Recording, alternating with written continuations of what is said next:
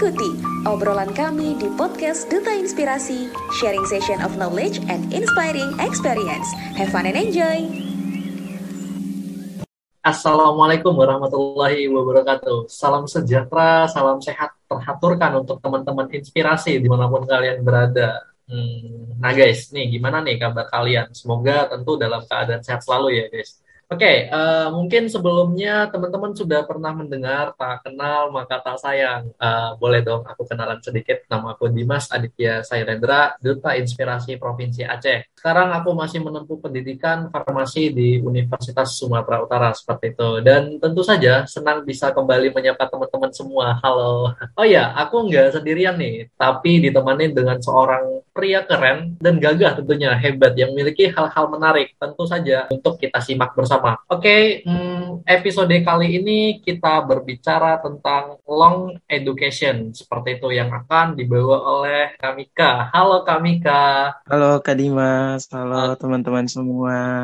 Oke, okay, luar biasa sekali. Uh, Kamika merupakan seorang yang wah ya kalau di Duta Inspirasi ini beliau adalah ketuanya teman-teman. Hebat sekali. Dan tidak hanya itu ada juga beberapa yang beliau dapati. Mulai dari uh, finalis Nong Nona Meo Merit 2017, uh, Diklat 2 Saka, dan masih banyak lagi orang muda Katolik dan tantangan iman di tengah pandemi. Tidak hanya itu, kemampuan bahasa Kamika ini tidak bisa diragukan ya. Inggris, Jerman, Mandarin, Jepang itu rata-rata hampir 80%. Jadi kalian yang memiliki multi speak silahkan. Boleh tuh diskusi sama Kamika. Oke, Kak Mika boleh dong uh, perkenalan dirinya kepada teman-teman. Oke, terima kasih Kak Dimas. Oke, selamat malam teman-teman semua. Perkenalkan aku Mikael Tinalibu. Biasa dipanggil Mikael. Saat ini uh, saya merupakan Project Director dari Duta Inspirasi Batch keempat. Dan dulu saya merupakan Duta Inspirasi Perwakilan Provinsi Nusa Tenggara Timur. Dan saat ini saya merupakan mahasiswa penerima beasiswa LPDP. Dan saat ini lagi ingin melanjutkan kuliah S2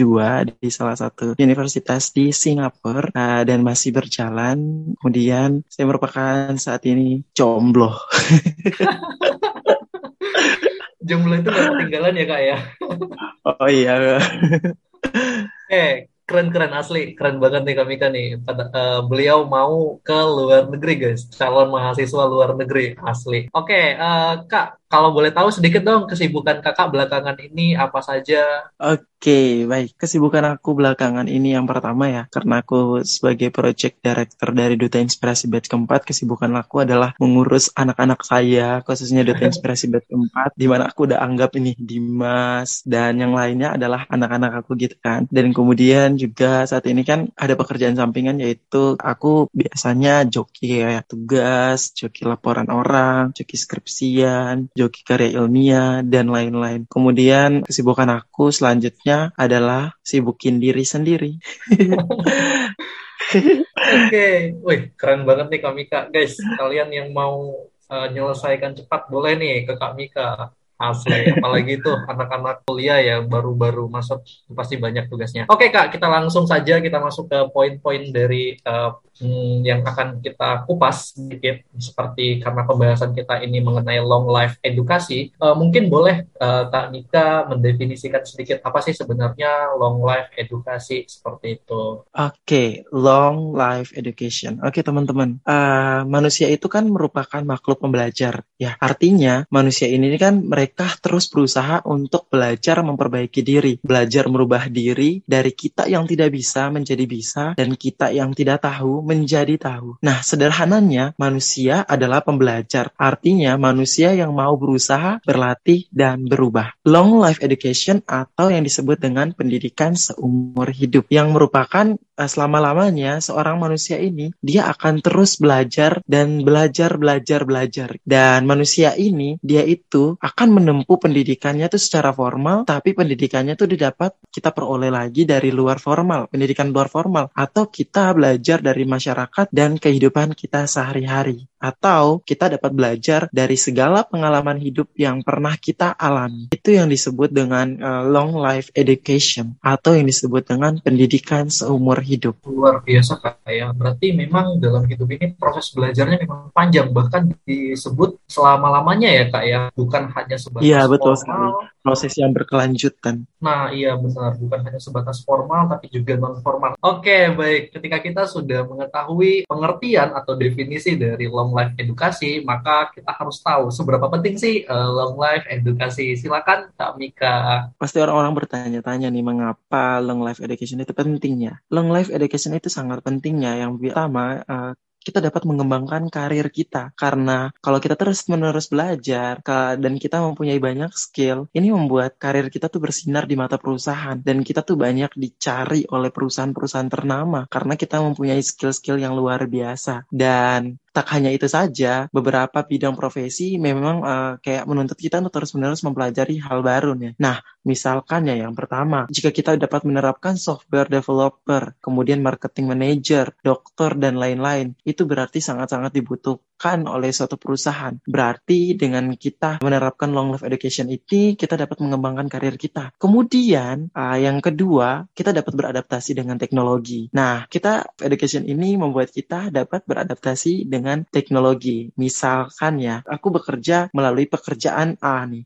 Ternyata saat ini pekerjaan tersebut sudah bisa diselesaikan dengan cepat oleh sebuah aplikasi. Nah, akan tetapi aku sendiri tuh kayak khawatir selama ini belajar programming, digital marketing, sampai membuat konten-konten YouTube. Tetapi dengan kita menerapkan long life education ini, uh, bekal skill-skill tersebut itu kita dapat diterima kerja dengan posisi kayak pemasaran digital atau dengan sesuai tuan perusahaan. Kemudian kita dapat mengeksplorasi karir kita. Nah, dengan kita menerapkan long life education ini, kita jadi punya tantangan baru yang harus kita selesaikan. Siapa tahu dengan tantangan baru yang bisa menjadi pilihan pekerjaan selanjutnya, kita terasa tidak dapat merasakan bosan, kemudian kayak malas-malasan, karena kita udah tahu nih uh, eksplorasi karir kita tuh kayak gimana. Kemudian kita juga dapat menyambut namanya GIG Economy. GIG Economy ini jika kita menerapkan long life education, mungkin kita akan lebih dipertahankan di perusahaan di namanya GIG Economy. Dan GIG Economy ini yang membuat kita dapat bersaing dengan lingkungan sekitar karena long life education ini sangat berpengaruh jika kita dapat menerapkan long life education di tengah GIG ekonomi. Oke, mungkin ada yang tahu ya GIG ekonomi itu adalah pasar tenaga kerja yang bertumpu pada pekerjaan fleksibel seperti freelance, kemudian perusahaan-perusahaan yang mencari tenaga kerja pas gitu, kayak misalkan di platform online gitu dan lain-lain. Kemudian jika kita dapat menerapkan long life education ini, kita dapat mengetahui skill kita ya. Terlebih utama aku bilang skill lagi. Karena long life education ini yang membuat kita dapat mengasah skill kita. Maupun soft skill and hard skill. Oke, okay, gitu aja sih menurut aku bagaimana pentingnya long life education ini, Kak. Oke, asli. Artinya bisa mempermudah aktivitas dari seseorang itu, Kak ya Wal dia iya, dia nggak mengenal huruf bisa mengenal huruf dan terjadilah komunikasi itu bentuk sederhananya kayak ya. luar biasa iya, memang. Benar. Oke, ketika kita sudah mengetahui pengertian dan kepentingan dari uh, long life edukasi, lalu bagaimana seseorang bisa menerapkan long life edukasi nih kak? Boleh dong dari kak Nika?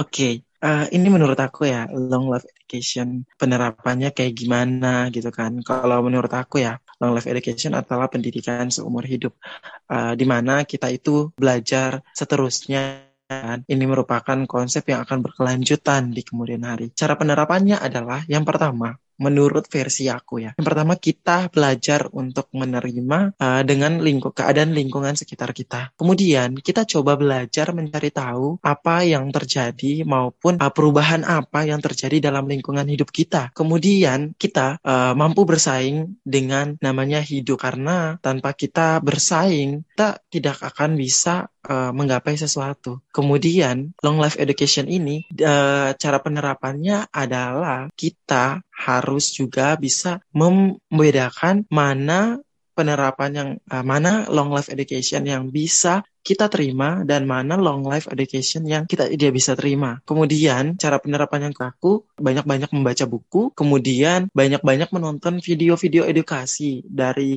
orang-orang di YouTube tuh kayak mereka menerapkan cara belajar mereka tuh kayak gimana, ikut apa mereka uh, menerapkan long life education. Dan kalian tuh banyak-banyak mengikuti webinar-webinar yang membuat kita dapat belajar lebih banyak lagi atau belajarnya uh, berke berkelanjutan, gitu kak. Oke, baik Kak Mika. Jadi bagaimana seseorang bisa menerapkan long life edukasi? Tentu dengan belajar menerima lingkungan teman-teman, mempelajari perubahan hmm, atau adaptif, bersaing, memberikan kenyamanan pada diri agar penggunaan uh, long life edukasi dapat diterima uh, sama diri ya kak ya. Lalu yang terakhir yeah. dari kak itu ada mencari referensi yang unik baik dari video ataupun webinar mm-hmm. teman-teman luar biasa. Oke, okay. nah setelah kita sudah mendapatkan nih seseorang sudah bisa menerapkan long uh, life edukasi, apa sebenarnya keuntungan bagi mereka yang dapat menerapkan long life edukasi sebenarnya kak? Boleh kak? Oke, okay. uh, untuk orang yang dapat menerapkan uh, long life education dalam hidupnya yang pertama, dia dapat memprioritaskan belajar dalam hidupnya. Kemudian dia tuh dapat memprioritaskan maksudnya di sini, dia tahu mana yang harus diprioritaskan seperti dia mengikuti banyak kegiatan organisasi, mana yang harus diprioritaskan dan mana yang enggak. Kemudian dia itu dapat melakukan mengadakan yaitu action learning atau setelah dia mempraktikkan semuanya, dia ini dapat istilahnya dapat mempraktikkan semuanya ini secara lebih maksimal. Kemudian dia mampu beradaptasi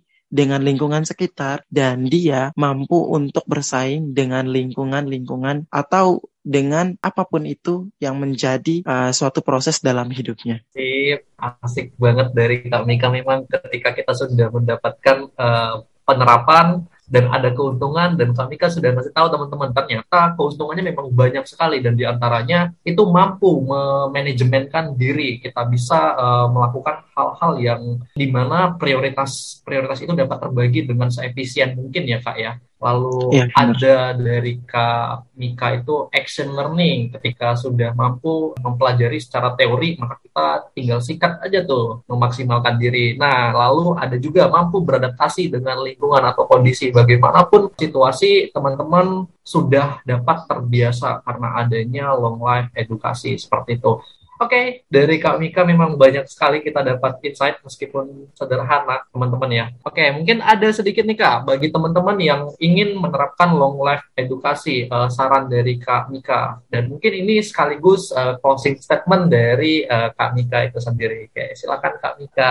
Oke, okay, baik. Aku ingin membagikan tips bagaimana kalian dapat belajar uh, atau long menerapkan long life education gitu. Aku punya tips yang pertama, kamu harus prioritaskan belajar belajar dalam hidupmu. Luangkan waktu setengah sampai satu jam setiap hari untuk kamu membangun skill. Kemudian refleks setelah sudah selesai mempelajari satu materi, coba kamu lakukan review. Dengan begitu kamu tak cepat lupakan karena dengan kita melakukan review itu kita dapat mengingat kembali apa kita belajar. Kemudian yang tadi aku sebutkan adalah uh, action learning, yaitu setelah kita belajar teori, setelah kita praktikkan, proses belajar kita sepanjang hayat ini akan menjadi uh, lebih maksimal. Kemudian setelah kita action learning, kita harus bisa jaga rasa ingin tahu kita. Terus kemudian kita tuh banyak untuk bertanya agar kamu benar-benar paham topik yang sedang dibahas. Setelah itu, selain kamu belajar teori, setelah kamu praktik, mengajar juga kita membuat kita itu kayak semakin paham materi dengan topik bahasan. Kemudian kita dapat mengasah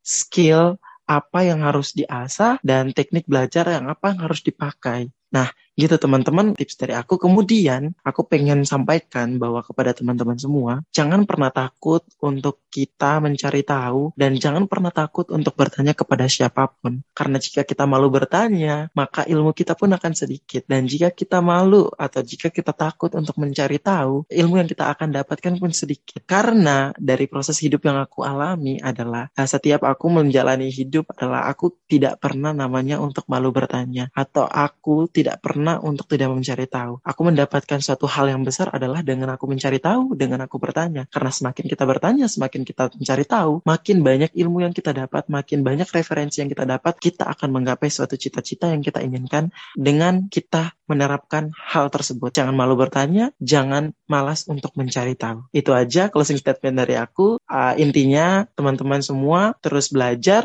terus menerapkan long life education dalam hidup agar cita-citanya dapat terwujud dengan baik. Oke, gitu Kak Dimas siap Kak Mika pasti bakal terterapkan oleh teman-teman yang mendengarkan. Oke, itu tadi pesan sekaligus closing statement dari Kak Mika. Terima kasih banyak Kak atas closing statement dan pesan inspiratif yang sudah diberikan untuk kita semua dan tentu saja teman-teman yang mendengar. Semoga sobat inspirasi mendapatkan motivasi untuk terus survive dan produktif uh, dalam menggapai mimpi termasuk dengan strategi uh, long edukasi seperti itu teman-teman ya. Terima kasih lagi aku ucapkan untuk Kak Mika nih yang terakhir kalinya yang sangat berkenan hadir dan menyempatkan waktunya untuk menjadi narasumber serta menemani uh, obrolan di podcast kita pada hari ini. Oh ya teman-teman, uh, satu lagi tidak kalah pentingnya, nih aku mau spill sedikit uh, IG-nya uh, Kak Mika. Teman-teman boleh mencari namanya Mikael underscore Liu 12. Aku ulang dengan ejaan. M I K H A E L underscore liwu 12 seperti itu. Untuk kalian semua pendengar setiap podcast Duta Inspirasi, jangan lupa juga dengerin terus podcast Duta Inspirasi karena kami menghadirkan narasumber yang luar biasa dengan tema-tema wah yang luar biasa juga ya. Seperti itu. Oke, saya Dimas Aditya Sailendra, izin undur diri. Guys, bergerak terinspirasi, berdampak menginspirasi. Buka kita buka.